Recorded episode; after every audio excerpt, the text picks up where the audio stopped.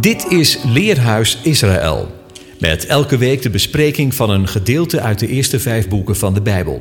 De presentator van deze week is Anko van Molenbroek.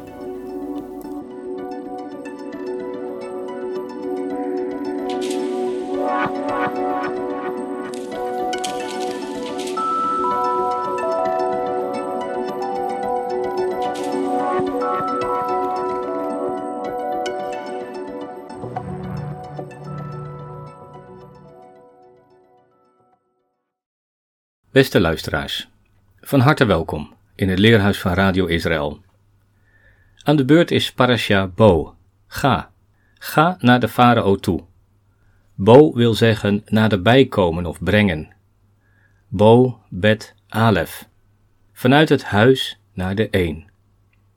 Dat is het werkelijke gaan.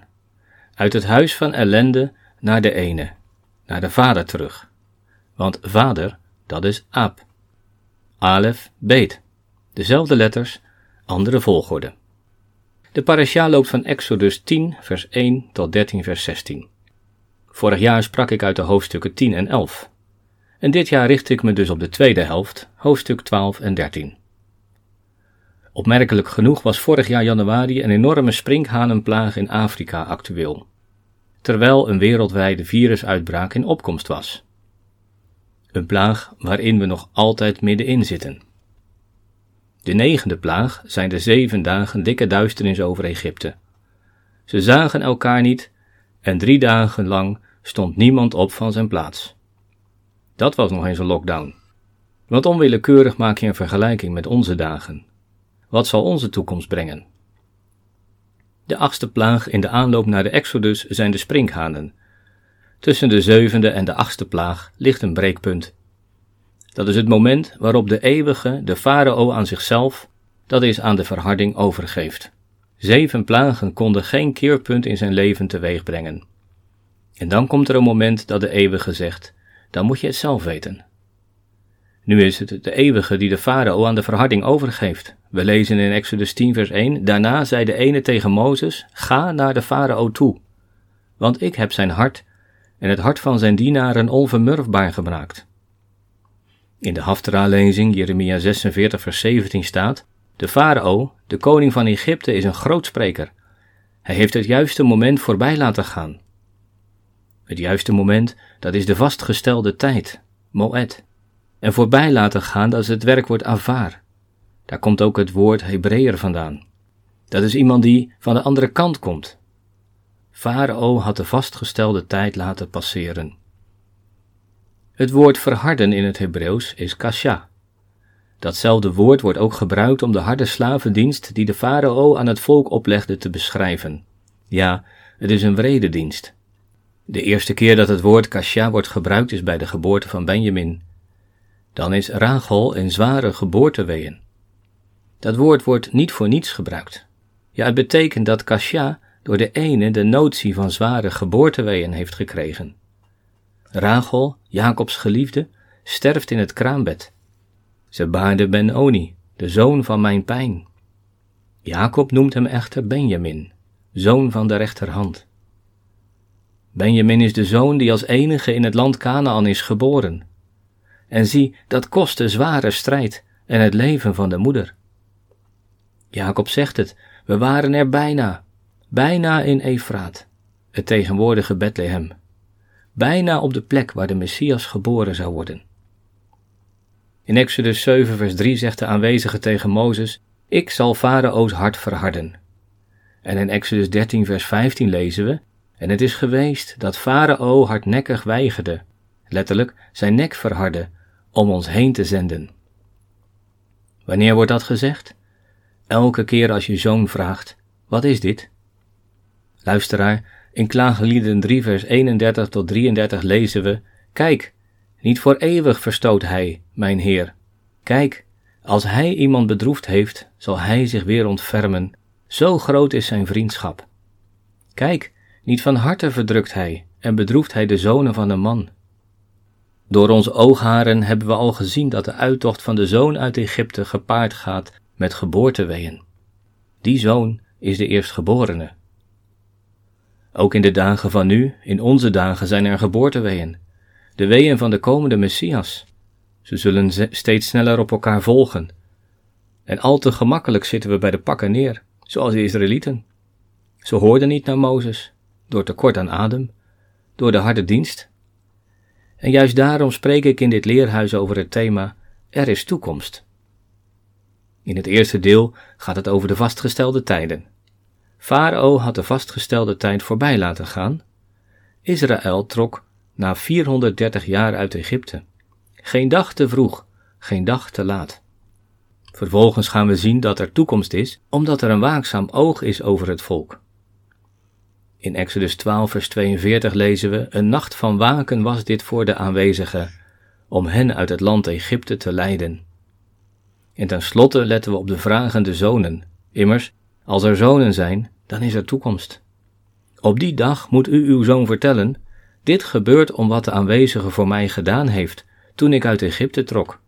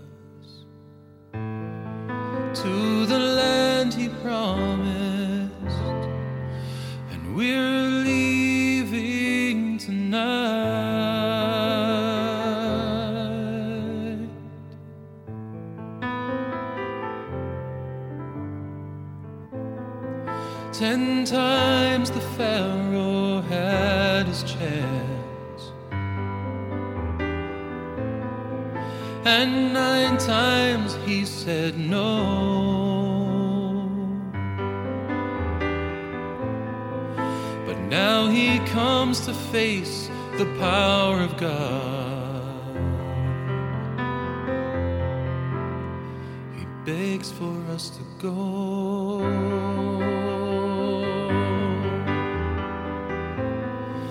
four hundred years in slavery to Pharaoh and his throne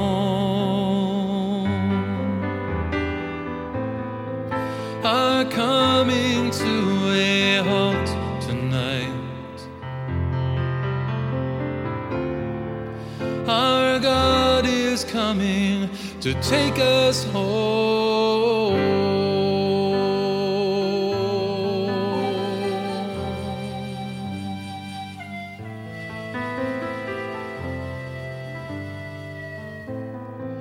He requires of us a sacrifice for only blood atones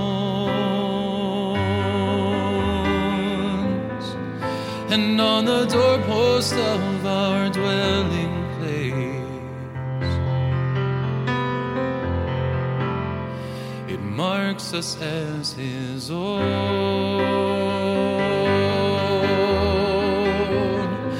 This lamb that we have slain tonight is offered in our place.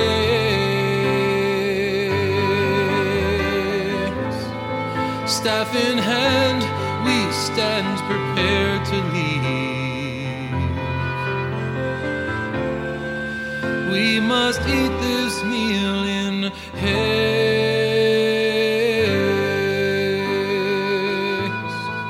Cause we're leaving, leaving Mitzrayim to worship. Our holy King. De vastgestelde tijd. Farao had de vastgestelde tijd voorbij laten gaan, de Moed. Dat wil zeggen dat aan de voortsnellende tijd een maat wordt gesteld. God gaf twee grote lichten: het grote licht om de dag te beheersen en het kleine licht om de nacht te beheersen. Deze lichten brengen scheiding tussen de dag en de nacht, en zij zijn tot een teken van vastgestelde tijden. Genesis 1. Tot de Moadim. En zo kennen wij ook de Moadim als de feesttijden van de aanwezigen. Die Moadim zijn ankerpunten in het leven met God. Laten we eens lezen uit Exodus 12, vers 1 tot 20. De Heere zei tegen Mozes en tegen Aaron in het land Egypte: Deze maand zal voor u het begin van de maanden zijn. Hij zal voor u de eerste zijn van de maanden van het jaar. Spreek tot heel de gemeenschap van Israël: Op de tiende van deze maand moet ieder voor zich een lam per familie nemen, een lam per gezin. Maar als het gezin te klein is voor een lam, dan moet hij er samen met de buurman, die het dichtst bij zijn gezin woont, één nemen, overeenkomstig het aantal personen. U moet bij het lam rekening houden met wat ieder eten kan. U moet een lam zonder enig gebrek hebben, een mannetje van een jaar oud. U moet het van de schapen of van de geiten nemen. U moet het in bewaring houden tot de veertiende dag van de maand. En heel de verzamelde gemeenschap van Israël zal het slachten tegen het vallen van de avond. En ze zullen van het bloed nemen en het aan de beide deurposten strijken en aan de bovendorpel, aan de huizen waarin zij het eten zullen. Zij moeten het vlees diezelfde nacht nog eten, op vuur gebraden met ongezuurde broden, en met bittere kruiden moeten zij het eten. U mag daarvan niet rauw eten, en zeker niet in water gekookt, maar alleen op vuur gebraden, met zijn kop, met zijn poten en zijn ingewanden. U mag daarvan ook niets overlaten tot de morgen. Want wat er de volgende morgen van over is, moet u met vuur verbranden. En zo moet u het eten, uw middel omgord, uw schoenen aan uw voeten en uw staf in uw hand. U moet het met haast eten. Het is paascha voor de Heere. Want ik zal in deze nacht door het land Egypte trekken, en alle eerstgeboren in het land Egypte treffen, van de mensen tot het vee. Ik zal aan al de goden van de Egyptenaren strafgerichten voltrekken, ik, de Heere. In het bloed zal u tot teken zijn aan de huizen waarin u verblijft. Als ik het bloed zie, zal ik u voorbij gaan, en er zal geen plaag onder u zijn die verderf teweeg brengt, als ik het land Egypte zal treffen. Deze dag moet voor u een gedenkdag worden. U moet hem vieren als een feest voor de Heer. U moet hem vieren als een eeuwige verordening al uw generaties door. Zeven dagen moet u ongezuurde broden eten. Meteen op de eerste dag moet u het zuurdeeg uit uw huizen wegdoen, want ieder die iets gezuurds eet, van de eerste tot de zevende dag, die persoon moet uit Israël uitgeroeid worden.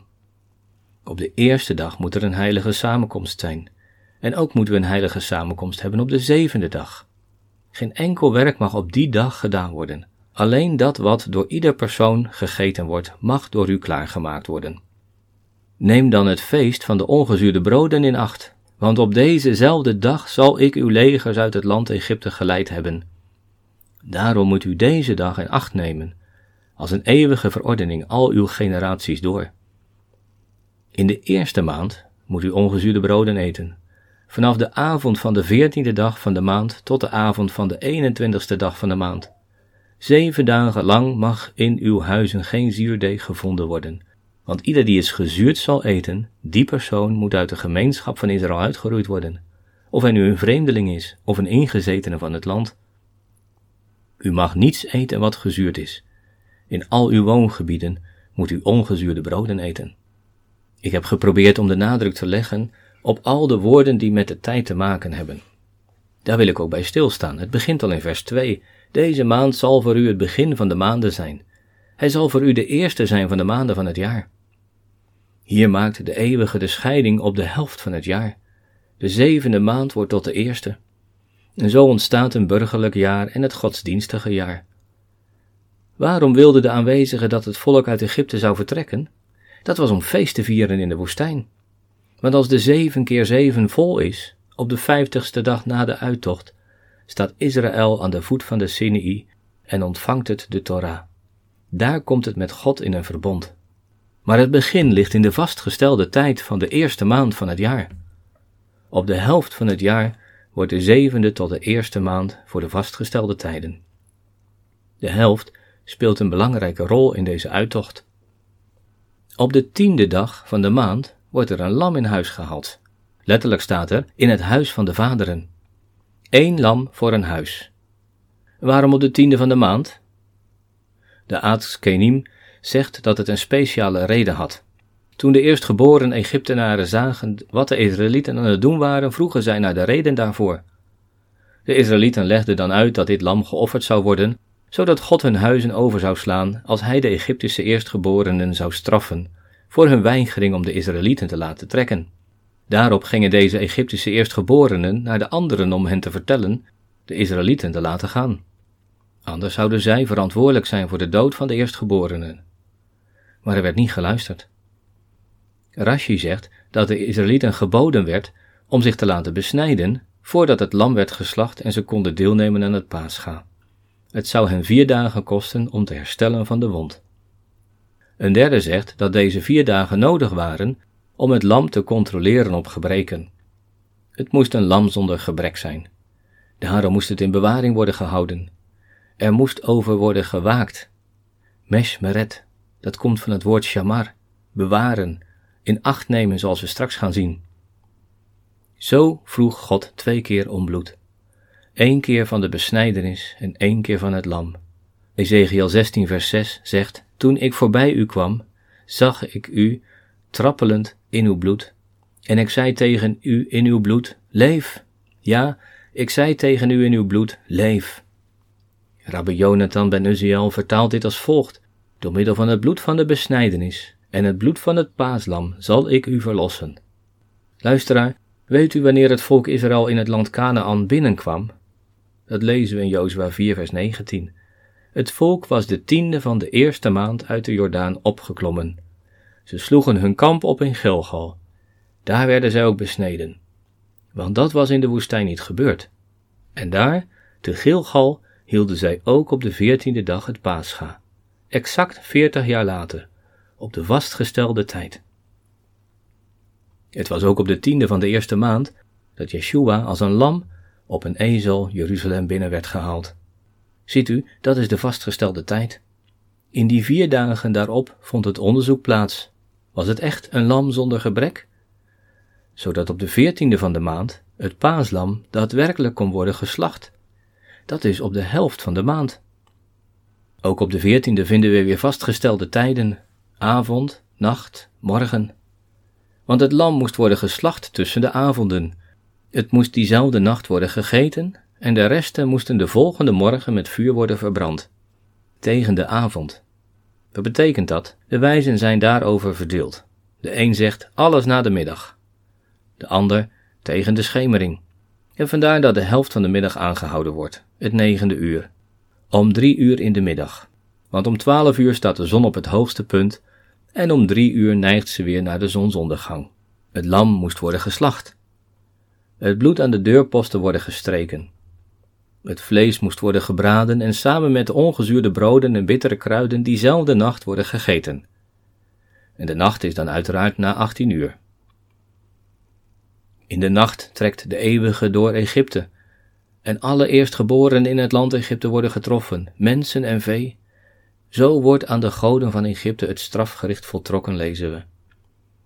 Deze dag moet voor u een gedenkdag worden. Het is een feest voor de aanwezigen een eeuwige verordening alle generaties door.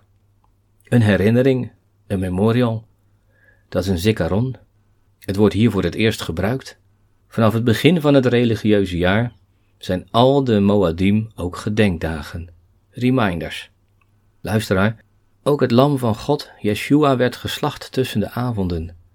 Van de middag af was er een drie uur durende duisternis en op het negende uur stierf de zaligmaker op de vastgestelde tijd.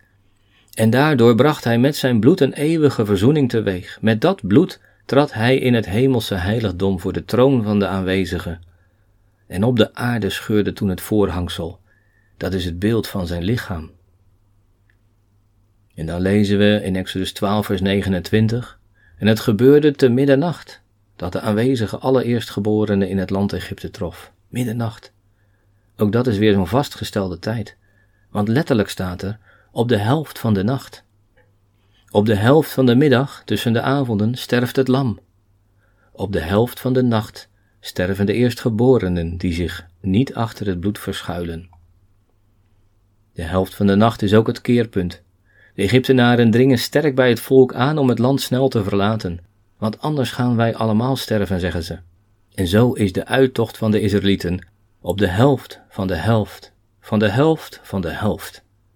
De helft van het jaar, de helft van de maand, de helft van de dag, de helft van de nacht. Dat is het uiterste moment. Er was en is geen ander moment dan dit. De wezenlijke betekenis van het begrip helft is de keuze.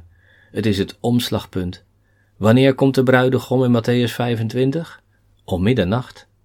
En als Paulus en Silas in de gevangenis psalmen zingen, vindt er een grote aardbeving plaats. En gaat de gevangenis open. En wanneer zongen zij? Te middernacht. Luisteraar, de helft is de halve tijd. De tijd waarop de beslissing valt. De tijd van de verlossing. Ook dat is een vastgestelde tijd.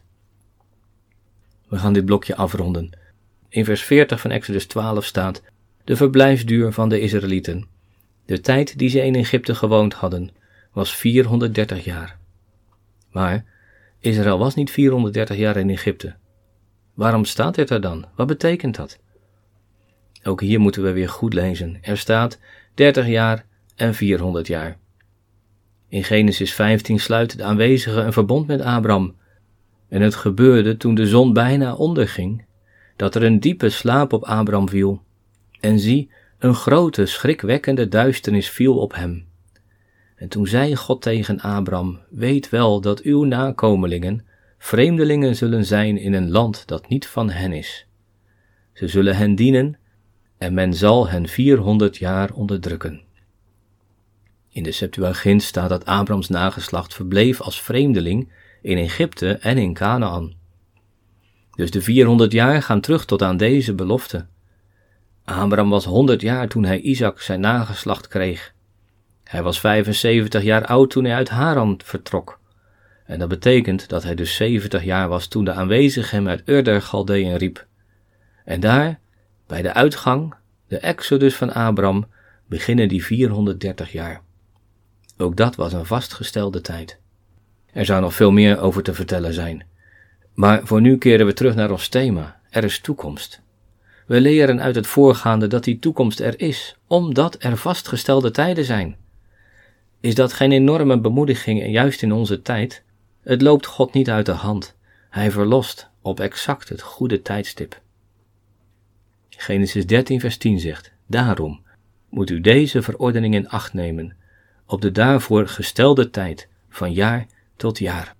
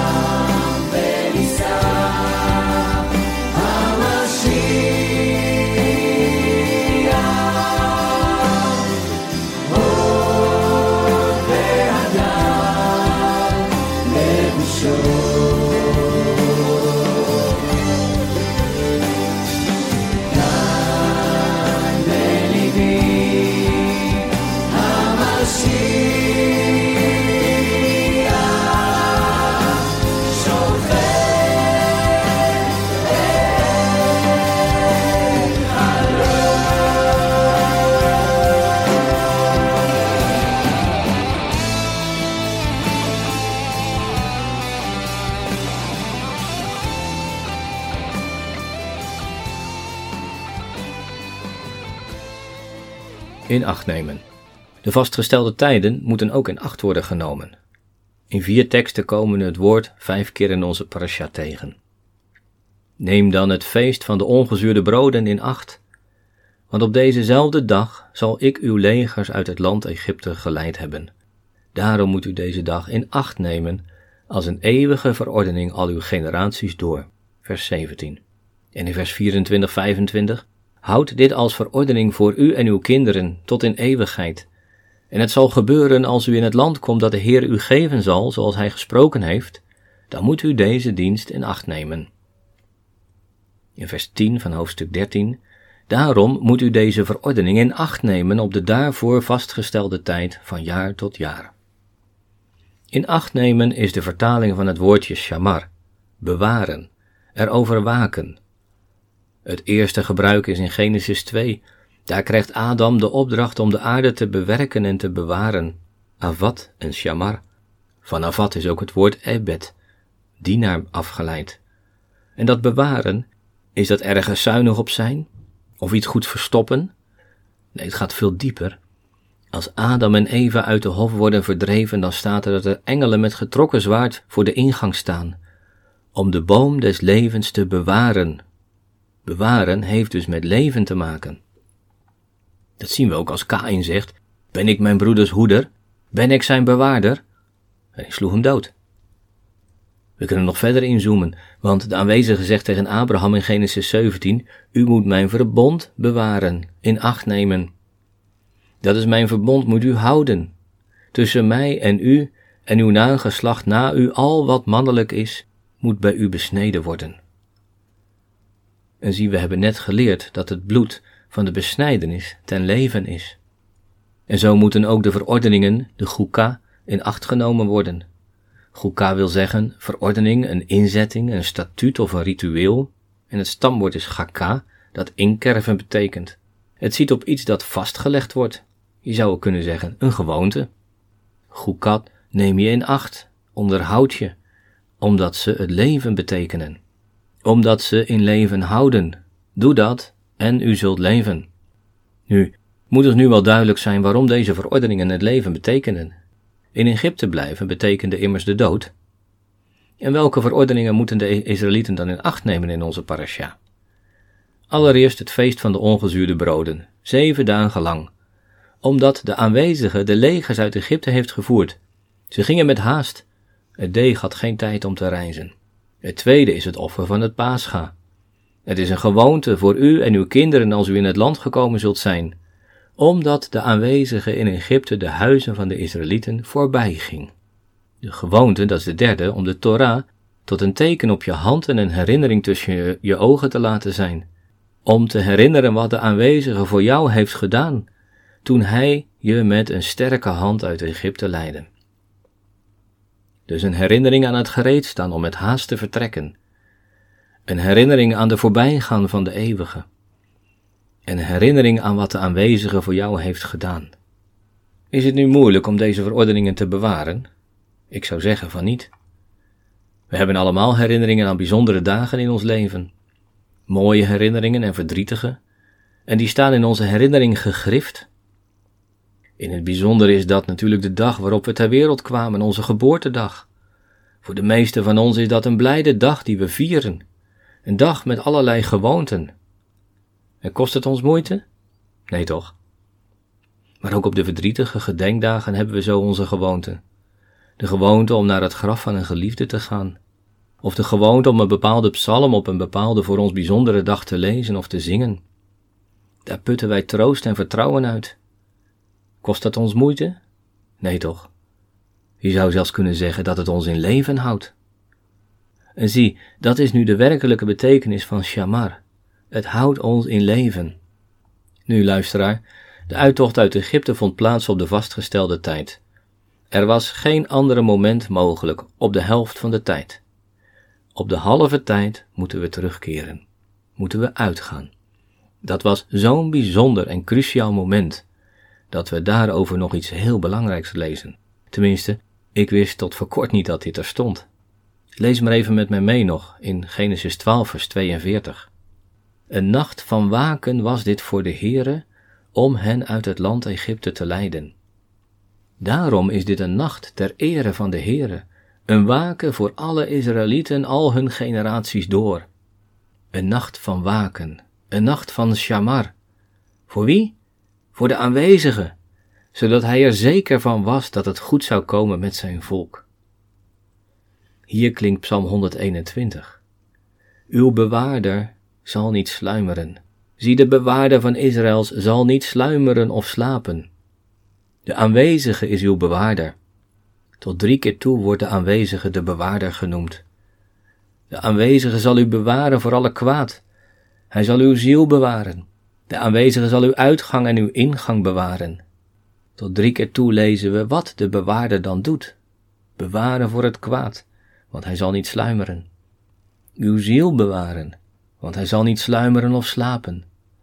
En uw uitgang en ingang om de eenvoudige reden dat hij uw bewaarder is, de bewaarder van Israël. Luisteraar, onze hulp is van de aanwezige, die hemel en aarde gemaakt heeft. In die bewaring mag u uitgaan, Yatsha, en ingaan, Bo. Daar hebt u weer het woordje gaan, naderbij komen, uitgaan uit Egypte en ingaan in Canaan. Dat is een heerlijke toekomst. Ja, er is toekomst, omdat Hij de bewaarder Israëls is.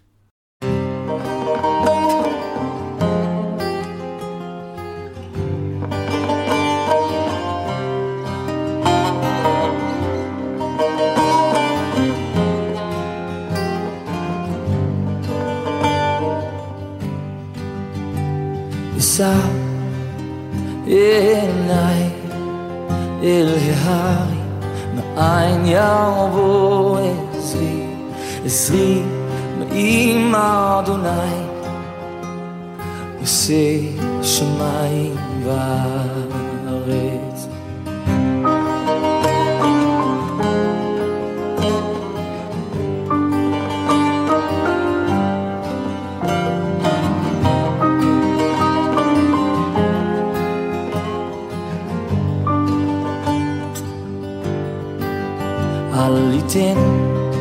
למות רגלך, אל ינום שומריך. הנה לא ינום, לא יישן שומר ישראל.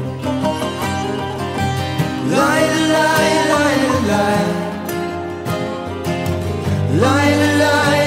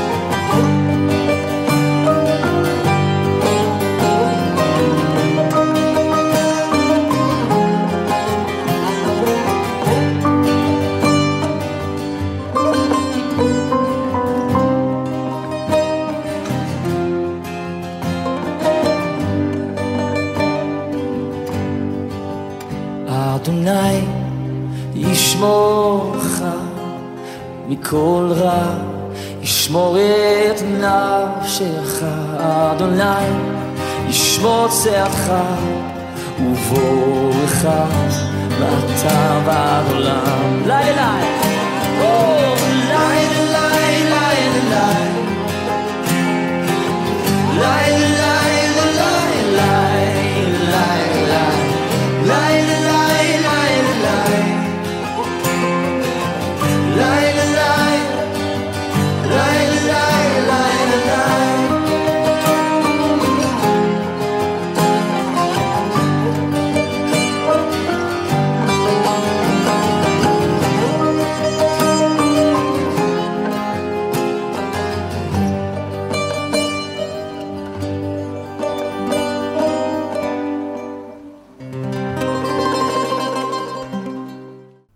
derde punt zijn de vragende zonen.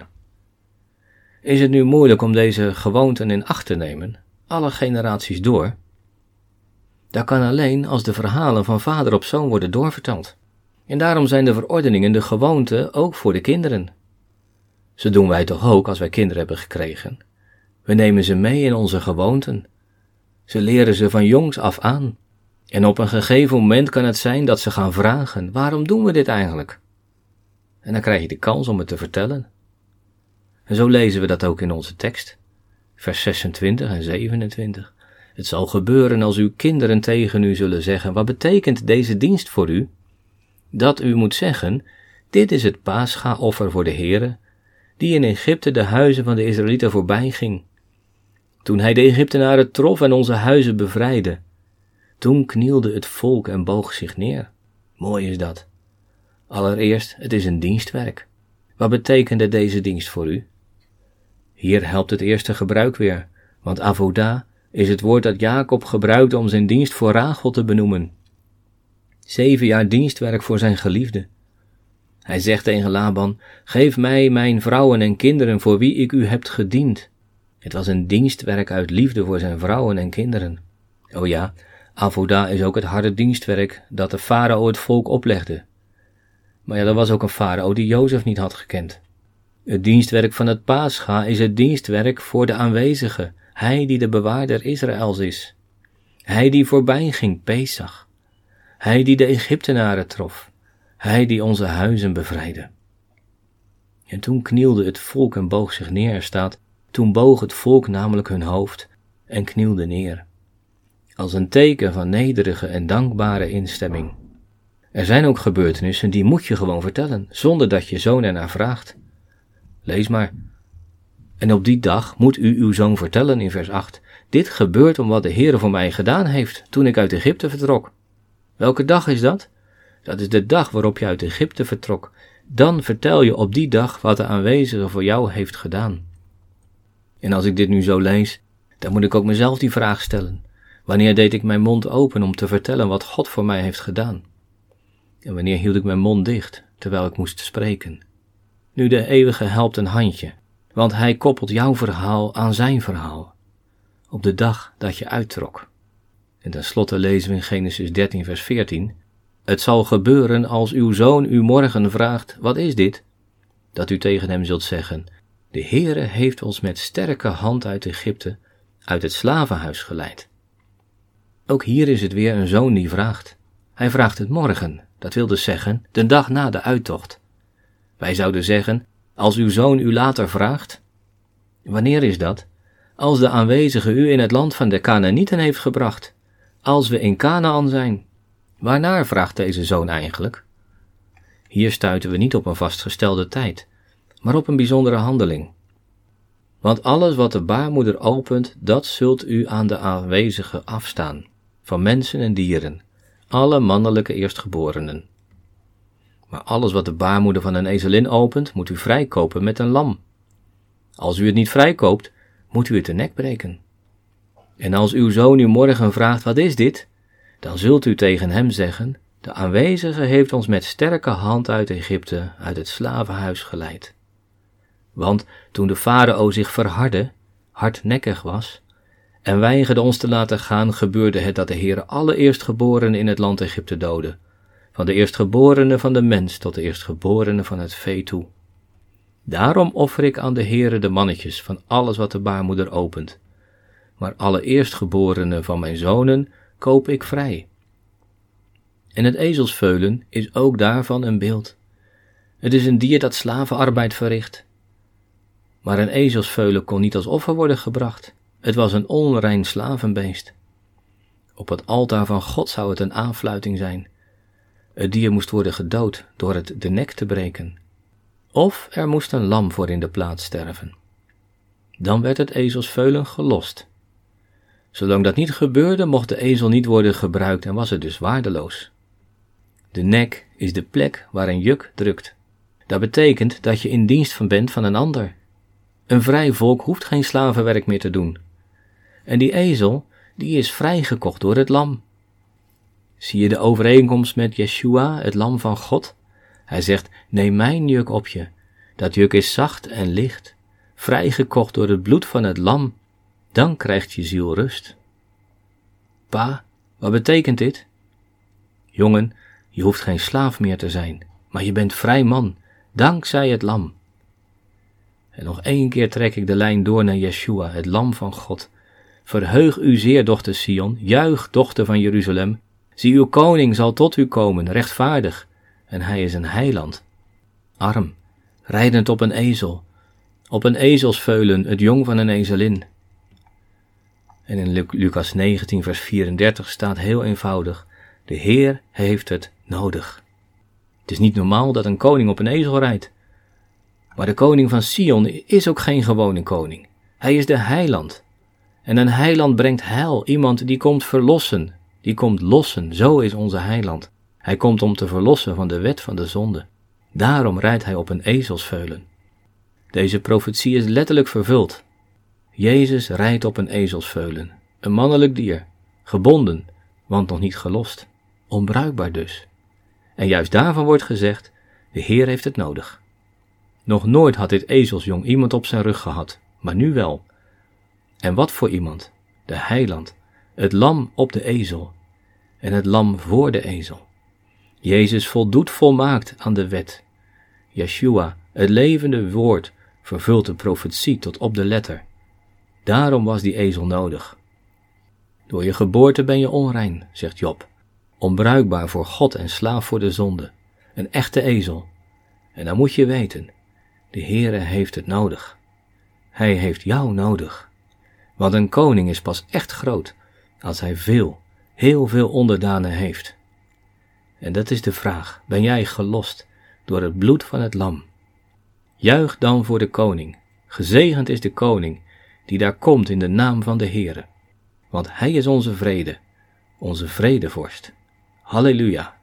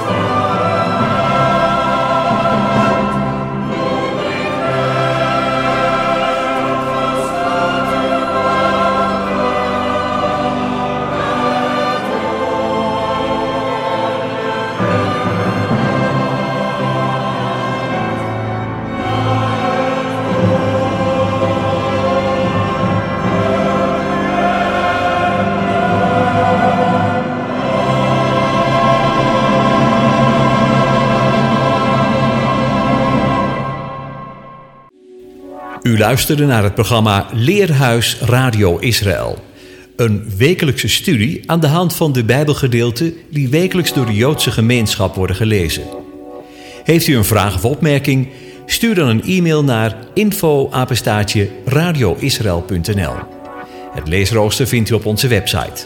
Ga naar radioisrael.nl en klik onder het kopje radio op programma's.